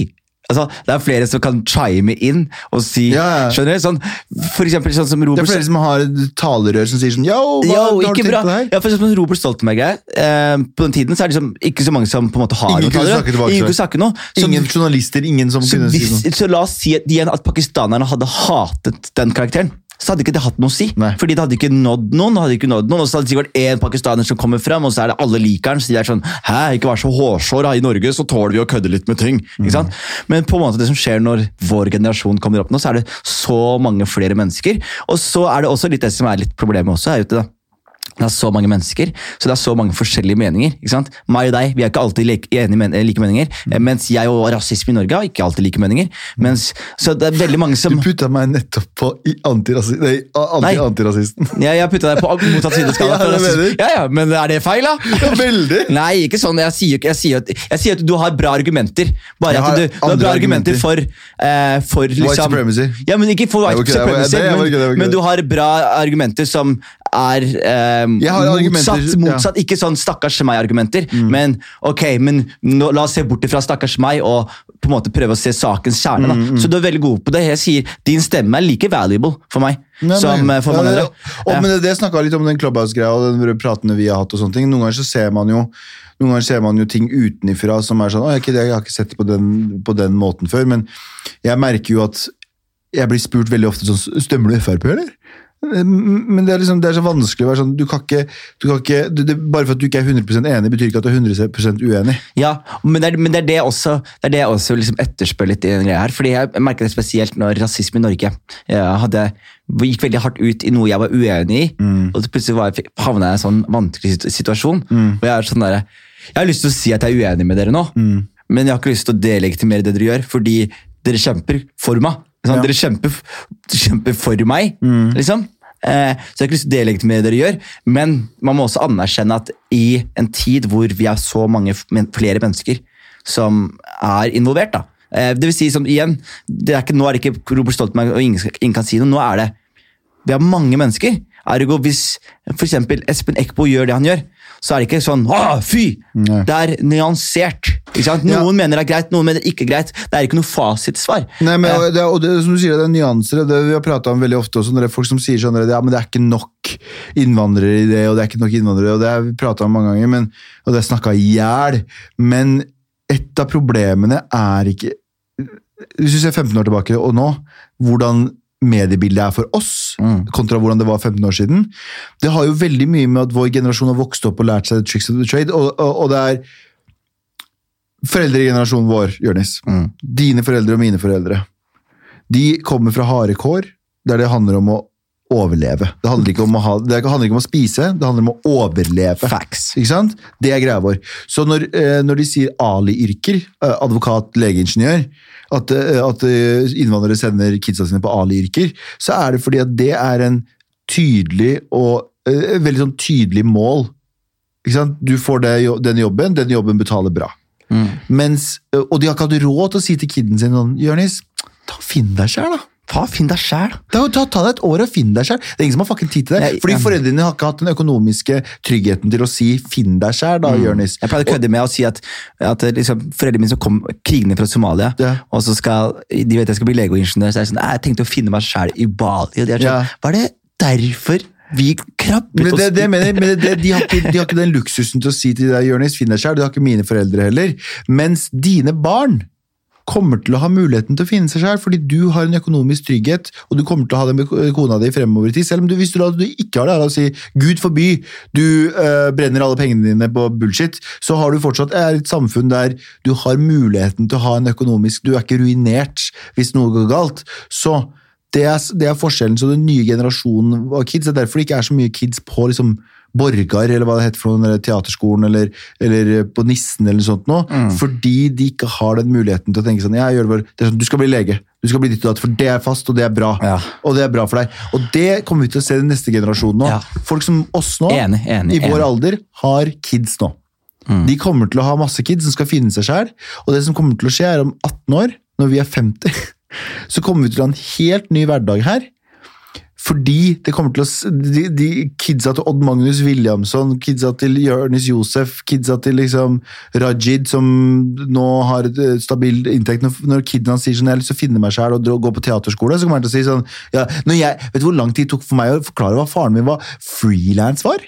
Ja, uff. Du pappa sa Du til meg? forklarer fortsatt, eller? Hæ? Du forklarer litt han, han fortsatt? skjønner ikke. Han skjønner ikke. Han bare, men har du fast kontrakt, eller har du ikke? Jeg bare, nei, jeg har sånn på, på kontrakt. Eh, Han sa til meg første gang jeg sa til han at jeg skulle gå frilans, og jeg prøvde å forklare det, så sier han sånn Galvan, jeg skjønner det her, men du vet at de betaler 7000 på Rema?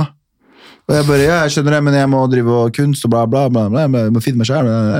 Så sier han sånn, jeg skjønner det, Galvan, men Rema har Safi 27 000 ut etter skatt. vet, du hva, vet du hva faren din tenker frilans er? Nei. Du vet, sånn I Kurdistan og i Somalia og sånne ting, så ofte så er det sånn hvis du skal ha jobb, Ja. så er det sånne entreprenører yep. som kjører inn et sted, yep. og så står folk klare. Yep. Ikke sant? Han, Han tror tror det er frilans, og du er sånn Ja, men skal du ikke ha jobben? Nei, han, han tror du bare liker å henge der. Han tror jeg bare liker å henge Jeg tror at NRK-bilen kommer svingende inn, og så må jeg si sånn Jeg kan gjøre radio i dag. Men det tok meg så lang tid å lære han hva frilans var, og han bare fortsatt bare sånn Jeg skjønner det, men du vet at det er mye tryggere for deg å bare begynne å jobbe på Rema. Og det sa han ikke men som en ironi, det sa han ikke som en hånete greie. Han sa bare sånn som en genuin greie. sånn Hvorfor vil du utsette deg for det der, når du kan ha trygg lønn? Det er jævlig merkelig hvor lik somalere og kurdere er. 100%. Ja, men jeg Alt du sier, merker ja, men jeg. jeg, jeg merker, meg ak akkurat det der også. Jeg bare Ja. merker akkurat sånn som Faren min også, når jeg begynte med standup, så kom han på standup, og så så han på det. Og så hadde jeg liksom slutta jobben min som egler, og sånn, så er det sånn Sluttet du liksom med det er her for å gjøre Fortelle, For fortelle, fortelle morsom historie i bar? Liksom. Ja, det er morsomt, men er det, er det det her du gjør? Og han skjønte det ikke i det hele tatt. Og så var det ikke, så Jeg kødder ikke med det. Altså, jeg har hatt massiv, eh, så bra suksess som jeg kan ha Ja. i min karriere. så Men fortsatt Fortsatt med motstand. Vet du når faren min liksom Nei. Jeg signerte kontrakt nylig. TV 2? Ja. Uh, og da bare jeg signerte den, så pappa ble sånn Wow! Det er trygt. Der bare, har du det ordet. Han bare, det er safe. Og så er det Der sånn, har det. ja, men jeg vil ikke ha det. Han stolte ikke på karrieren min hvis ikke han visste at jeg kunne liksom, jeg hadde fast inntekt neste år. da. Mm. Jeg, jeg gruer meg til å fortelle at kontrakten har en utløpstid. Men det er nettopp du sa nøkkelordet. Trygt. Mm. Trygghet. De har ikke hatt trygghet i livet sitt. De har måttet leve liksom hånd til munn, er det det heter? og, og, og igjen, Her kommer det også en del av mine refleksjoner. ikke sant? Jeg husker jeg var yngre, jeg syntes det var skikkelig slitsomt og frustrerende at jeg måtte bli lege. Ja, ja. Og sånne ting. Jeg bare, kan jeg ikke bare liksom, Og det var så slitsomt. Og, og det var så press. Ja. Og det var så press! Og jeg ville bli alt annet. Og de bare 'Du må bli det, du må bli det'. Og jeg var sånn Kan jeg ikke bare altså, Det var så slitsomt, da. Og så på en måte, som du sier nå, så er det sånn der, så setter du deg litt inn i hva foreldrene våre har vært igjennom. Hva de har stresset gjennom. Mora mi kommer til Norge og er egentlig ganske smart dame, men ender opp med å jobbe i barnehage og hjemmepleie. og Faren min må stå og knuse ryggen hans på et jernverk. Så når de sier lege og ingeniør, så sier ikke det fordi de vil presse meg til å gjøre noe som jeg ikke er komfortabel Kan jeg med. si en ting? Kan jeg spørre om om faren din? Ja. Eh, hvorfor ser, og jeg mener ikke her som en diss, hvorfor ser han eh, Ikke diss til andre eh, somaliere, Ja. men hvorfor ser han ut som en kjekk Denzel Washington, og alle andre somaliere ser ut som deg? Vet du hva? Det er et godt spørsmål. Jeg spurte pappa. Han- han er jo han, fyldig, Han blir og- veldig glad når jeg kaller han Denzel. Ja, fordi han er fyldig. Og du har kalt han det? Denzel. Fordi jeg ser han, så tenker jeg Alle sånn kaller han Og så gjør han alltid sånn. ja, men faren din ser ut som han er Men det er jo sikkert fordi han har jobba mye på jernverket og fått litt muskler og sånt. Jeg vet ikke, men Han tar, bra, han tar vare på seg sjæl, faktisk. Faktisk. Overraskende mye. Han, var, han hang med somaliere før, eller kattbusinessfolk og holdt på, og bare merka at liksom, det her var ikke bærekraftig. Så, så, og det hadde sånn, jeg hadde en veldig sånn gøy eh, greie med fatter'n også. Eh, Det er virkelig veldig fascinerende, fordi meg og pappa har så sykt bra forhold nå. Faren min er så sykt bra nå. Men han har også vært gjennom en sånn journey som fikk meg sånn til å vekke. For jeg husker liksom, det første 12-13 år av livet mitt Jeg har ikke sagt noen, så jeg fikk det. Ja. Første 12-13 år av livet mitt så var det sånn at faren min sov alltid, liksom. Når jeg kom inn i leiligheten, så var det sånn han, Ikke første tett, Først til og fem år så var det helt normalt. Da jobba han hele tiden, så når han kom hjem, så sov han. ikke sant? Men det pappa gjorde, var at han hadde venner i byen som også hadde rømt fra Somalia. Og Noen var barndomsvenner, noen var nye venner. Noen var... Men de snakket, møttes alltid på kvelden og diskuterte somalisk politikk. Hørte på radio og spiste katt. ikke sant? Og det som skjer med katt, er at du, du holder deg våken til langt på natta. Så det som skjedde, Pappa våken langt på natta, så kom han hjem, og da var det legge seg, og så var det jobb, og så kom han hjem, og så holdt han på Oh, sånn shit. hele tiden. Og så på en måte ble det mer og mer av det. Og så på en måte så var det sånn at Mutter'n var jo helt alene da i en periode og stressa ekstra mye. fordi var sånn, Mannen min er ikke her, jeg har fire barn, jeg har to jobber. Barna mine tror jeg hater dem, for jeg kjefter på dem hver dag Ja, ja. i hele tiden. Så, så var gjennom mye greier, og så på en måte holdt mutter'n og fatter'n på, på å separere seg. og sånn. Skjønner. Og da husker vi bare, ja, da, ja, de, fordi de kranglet mye, og så dro pappa hjemmefra. Og da husker jeg bare, Det her var liksom et liksom break-øyeblikk Mm. for fatter'n. fordi jeg hadde ønsket meg en bursdagsgave, eh, eller jeg hadde ønsket meg en mobiltelefon veldig lenge. Og jeg fikk aldri det. Og så var det sånn at mora mi til slutt liksom, en dag natt vekker meg. Og jeg, synes, jeg trodde mora mi ikke ga meg mobiltelefon fordi hun var kjip. Ja. Ja. Og så var det en dag hun vekker meg på natta. Oi. Eh, og hun har vært på nattåpent. Og hun er så glad, for hun har med Nattåpent? Nattåpent på Arkaden. Det vi har, det betyr at ja. er nattåpent. Det er tilbudene. Det er mye tilbud, da. Eh, Åpen, bokstavelig talt hele Det er det natta. åpent til tolv, men så kaller Ja. det nattåpent. Og så vet dere, var mora mi da, og hadde kjøpt en sånn eh, en mobiltelefon til meg som jeg ikke visste at hun hadde gjort. Ah. Og hun vekker meg, og jeg blir så glad. og hun altså jeg husker Hun hadde sånn tårer i øyet. Ah. Og hvor glad ble. Og I retrospekt så skjønner jeg jo at hun var dead broke, og jeg hadde ønsket meg det så hardt. og Jeg var sur, og hun på en måte faen meg kuttet liksom fra H-melken vår. Tenk på de greiene Tenk der. på det her. Og så er det sånn at fattern da kommer liksom uker etterpå, og så har han liksom kjøpt to gaver til meg. bursdagsgave, ikke sant? Og telefon? Nei, han har ikke kjøpt telefon, men han har kjøpt et SIM-kort til meg, som var veldig merkelig. Ja. For han har hørt at jeg ønsker meg telefon. Ikke fulgt med i leksa. ikke sant? Plutselig hadde sånn maleskrin. Jeg er sånn, bro, jeg hater å male, liksom. Så jeg husker jeg sa til han, jeg sa sånn, du, jeg, jeg trenger ikke en dritt fra deg, liksom. Jeg sa, Hvis ikke du er keen på å hjelpe hun damen som er hjemme, liksom, så gjør jeg det. Men bare la oss være i fred. Shit. La oss være i fred, liksom. Så stakk jeg. Og da gjør fatter'n en ting som er veldig sånn Meg og broren min snakker veldig mye om det, men det var sånn, veldig sånn en, Han kom hjem noen dager etterpå og så hadde en lang prat med mutter'n. Og så låste han seg inn på rommet. Og han røyka jo sigg også. ikke sant? Han låste seg inn på rommet. Han skulle komme ut av rommet før han var ferdig med sigg, katt, kaffe Å, og alle avhengigheter. Faen, altså. Og så- broren min. Og så kommer han ut av det rommet her, og når han kom ut av det rommet her, da var vi 13-14, og da skjønte han selv, jeg har ikke fulgt med i timen her liksom, begynte å følge meg og JT på fotballtreninger, begynte å bli med på alt, begynte å gjøre alt. Han begynte å stille opp for de andre shit. somaliske gutta i Og se hva som skjedde med deg. Se hva som skjedde med meg, men, og, og se på det forholdet vi har da. Og jeg bare sånn, når jeg tenker på det så og det jeg også har skjønt da, bare for å sånn, rappe opp hele greia, Ja, det var at jeg, jeg jeg, tilgi, jeg, sånn, jeg har tenkt mye på det her, og så jo mer jeg tenker på det, jo mer tilgir jeg det. Fordi jeg tenker sånn, du var bare en young nigga liksom. Ja. Skjønner du, du var meg som fikk barn for tidlig, flykta fra krig. For han var midten av Han 30-åra var i da. sl- sl- slutten av 20-åra, liksom. Ikke sant? Og, til, og så er han liksom kommet til et nytt by, og han har stressa hele veien. Endelig har han liksom mat. Og, ta, og han føler han har gjort det han skal gjøre. Bror, se her, du går på skole! Chill! Jeg, La meg henge med gutta mine og diskutere politikk nå. Ja, Ikke sant? Og så på en måte Så må han også gå gjennom en sånn eh, lærdom. Og det å på en måte se det der up close gjør at jeg tenker sånn ah, fett, jeg går også gjennom det. Og mest sannsynlig så kommer liksom ungen min til å ha det bedre av Altså, Jeg har det bedre av at faren min har gått gjennom det. Min unge kommer til å ha det bedre at jeg går gjennom det. Og det kommer til å bli bedre og bedre sånn sett. da. Og det er bare at alt også henger veldig på greip, og at de er mennesker til slutt. da. Faen, det var en fin historie, ass, bro. Det var en jævlig fin historie. Jeg ble rørt av det. Ass. ja, På ekte. Hyggelig å høre. Det er Nei, jævlig Nei, men det er noe jeg tenker på veldig veldig mye også. Shit, ass. Og det er mange, veldig mange som dessverre ikke har den der, det bryddet. Noen som, de, mange jeg kjenner det hvor foreldrene deres drar til Men det er liksom, du satt i perspektiv Sorry, sorry. Nei, det er ikke det. Bare, Nei, du satt i perspektiv når du sier at liksom Han har jobba ræva av seg hele, og når han kommer hit, så har han på en måte et overflod av muligheter og mat, og det er ingenting. Det er ikke sånn at han går sulten som han gjorde i hjemlandet. nei, nei, nei. Og det er så, så faren din også tenkte på, når vi går tilbake til asylmottaket, så er det sånn, han flykta fra krig. Ja. Han, bært, han holdt et greie over deg på netta Ja. når det regna. Han flykta hit, han fikk deg på asylmottak, og så til slutt Ja. han, Nå vil han bare henge med gutta. Han, Nå vil henge med slappe av! Han vil slappe av og henge med gutta. Han har, han har jobba nok nå. Jeg ser for meg sånn, sånn Tenk om jeg skulle til fram til nå, basically. Ja. Bodd i et krigsherja land. Og nå er det sånn, nå er det, nå er det en ny tur. Nå skal du til verdens tryggeste land. Du skal til verdens verste land på det tidspunktet. Vet du hva jeg hadde gjort da? Jeg hadde bare kastet beina på sofaen og sagt Hei, jeg er ferdig nå! Er ferdig Dere tar det herfra! Ja, ja, ja. Ta det herfra, liksom. Bare bli lege, du! Men se for deg det. De er, Mogadishu også. Ja. De går fra verdens verste steder. Mm.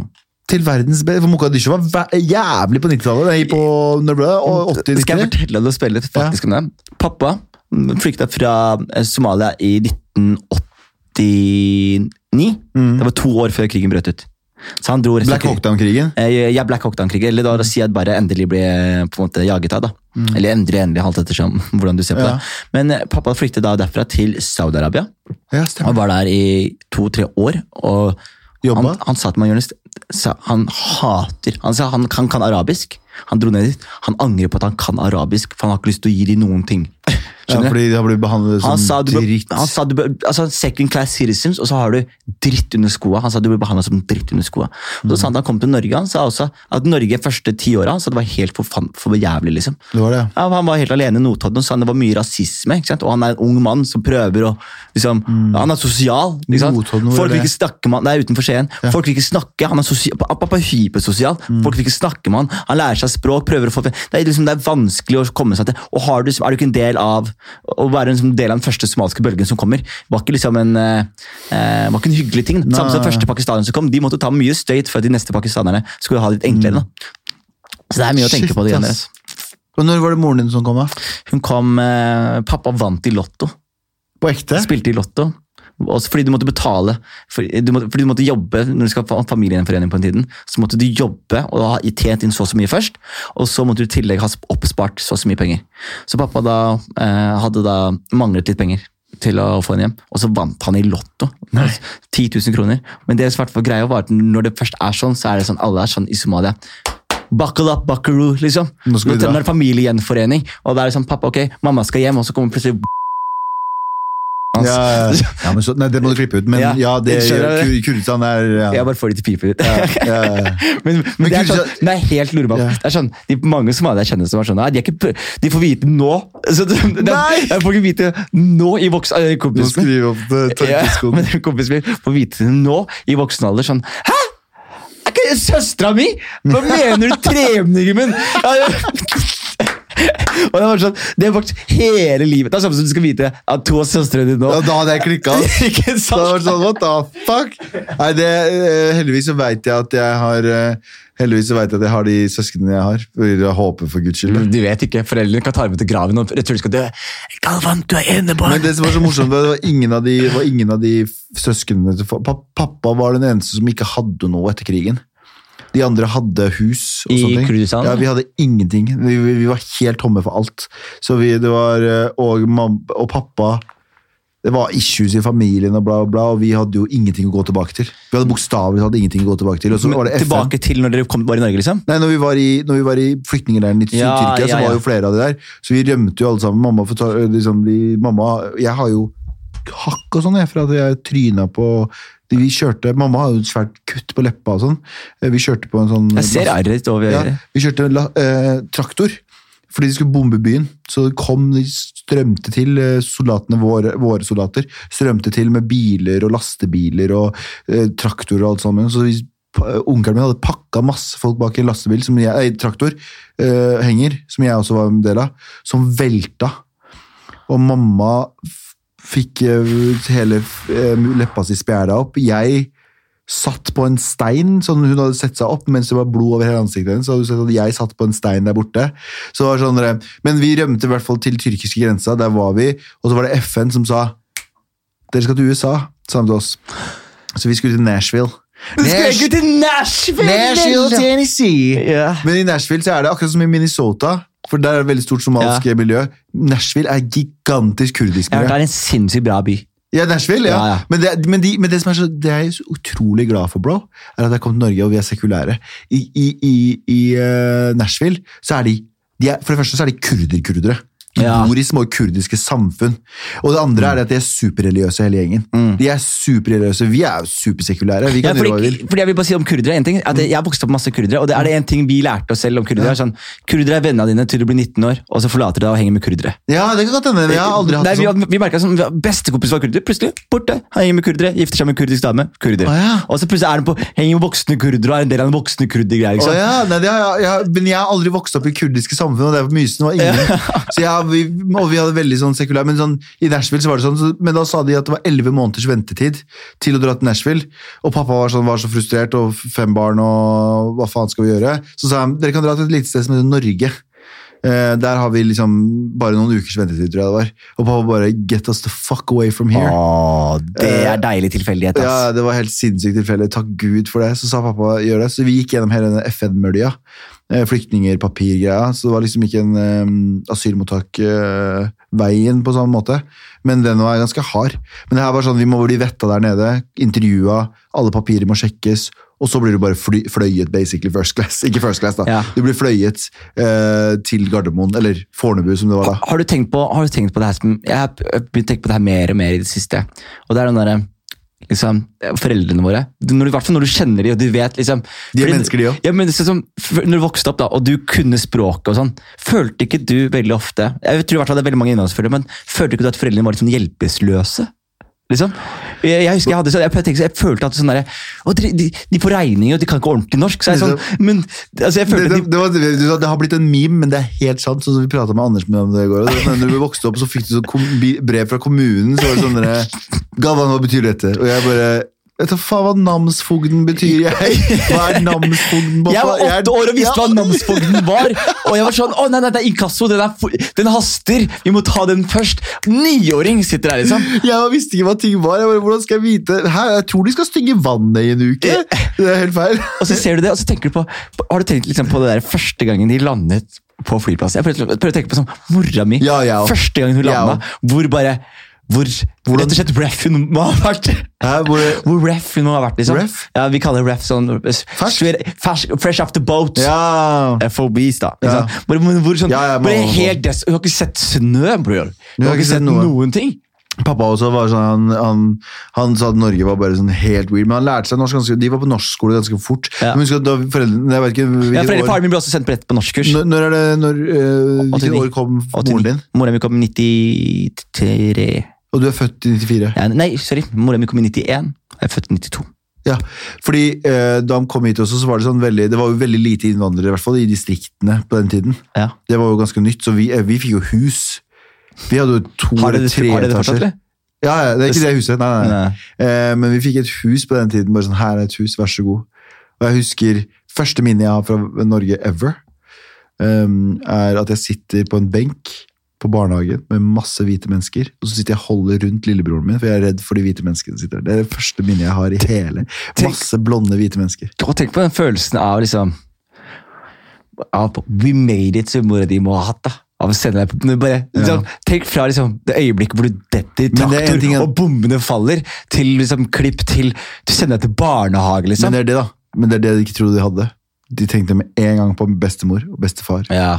De tenkte på en gang på de som skulle dra tilbake til de bomba husene. Mm. Jeg tror mamma slet skikkelig med depresjon helt opp til tenåra mine. Jeg fikk jævlig vondt av meg når du sa de greiene om raketter. Ja, hun- tank, ja, ja, bare tanken på liksom, at hun er så traumatisert og har så vonde minner med Hun, hun, hun gjemmer seg bak ryggen min, hun holder meg sånn, drar i og det, genseren. og det er instinktivt. Altså, det, sitter så, 100%. ja, men det sitter så banka inni deg at det er ikke noe du kan gjøre med det det. var helt jævlig, og jeg bare sånn bare tenke på hvordan hun var i krigen. Mora mi satt i Somalia nå, jeg facetimer henne. Og så mens Ja. jeg facetimer, så i bakgrunnen så hører du Nei, sverg. Og så, ikke et blunk, mann.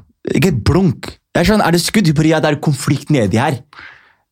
Det er samme greia med mamma. Når jeg, du skulle dra til, hun bare lenger ned i byen. Sånn, det er som å si sånn eh, jeg, skal til, jeg skal til Grünerløkka. Nei, men de, de bomber Oslo. Nei, nei, det er nede ved Tjuvholmen. er 20 år, men jeg, jeg henger på Du kommer til Torshov, eller? Hva Det, det, er kommer ikke til å komme til Torshov. Det går fint, det. Jeg sier ifra, jeg. Ja, jeg sier gjøre?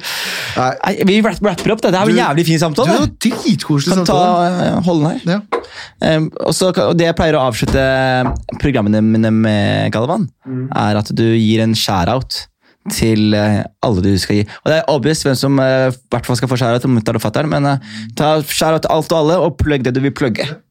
Hæ? Får jeg se bildet? Du får se det etterpå. Vi er ikke ferdig med podkasten. Så Kjære til uh, mødrene våre. 100% fedrene også. De får altfor lite shout-out. uh, fedrene og mødrene, søsknene våre. til Tix, må jeg si også. Jeg, til jeg, jeg, Tix. jeg, klart til Malingsstad. Tix, du er sikkert en fyr. Jeg er sikkert en fyr. Uh, Kjære til uh, Anders, eh, Abu og Sandeep. Kjære til deg, takk for en jævlig fin samtale. Jeg føler at vi ble kjent med hverandre på nytt. Ja, jeg. gjorde det, altså. Og med all respekt også, må jeg bare også anbefale ja, til dere som hører på her. Det er, hvis dere også vil høre eh, fire, fire uh, høyt energiske voksne mennesker prate piss, så vet dere nøyaktig hvor dere skal gjøre det. Og, Er det din Mercedes utafor forresten? nei, ja, jeg Er kjører den det. ny? Ja, jeg kjører det. Nei, du, nei, du satt i den. Du, satt i Men jeg skal gå, så må jeg ikke gå, for jeg har gått altfor lite. du har det? Men det er ikke den Mercedesen der jeg satt i sist. Jo, det er den du satt i sist. Den der ser jo nyere ut. Vaska, vet du. Nei, nei, nei, du hadde en eldre Mercedes. Nei, jeg, skal, jeg vet det er jo kurdere og mercedeser, har et sånt forhold. Nei, Men Wallah, Koran, det var en annen Mercedes du hadde sist. si bare du sa walla Koran med den dype qaf, qaf. Du sa qaf! Ja, du har det nå! Du sa walla Koran! Qari, qari. Du klarer det! Qari ein. Det er, så, det er så jævlig når du sier Fordi det er mange som ikke klarer å si qah. Qah. Qah, ja. Ja, ja, vi har et egen te som heter qahwe. Ja. Qahwe. Vi sier det, det, er, det er kaffe, kaller vi Det, ja, det er kahve. kahve. Ja, men det er en egen type kaffe. Det er ikke kaffe, men det er en egen type kaffe. Ja, det er kanskje sant, det. Ja, Kjære til kaffe på Gudis og i og soalsk. Tusen takk for besøket, Galva. Takk for at vi kom.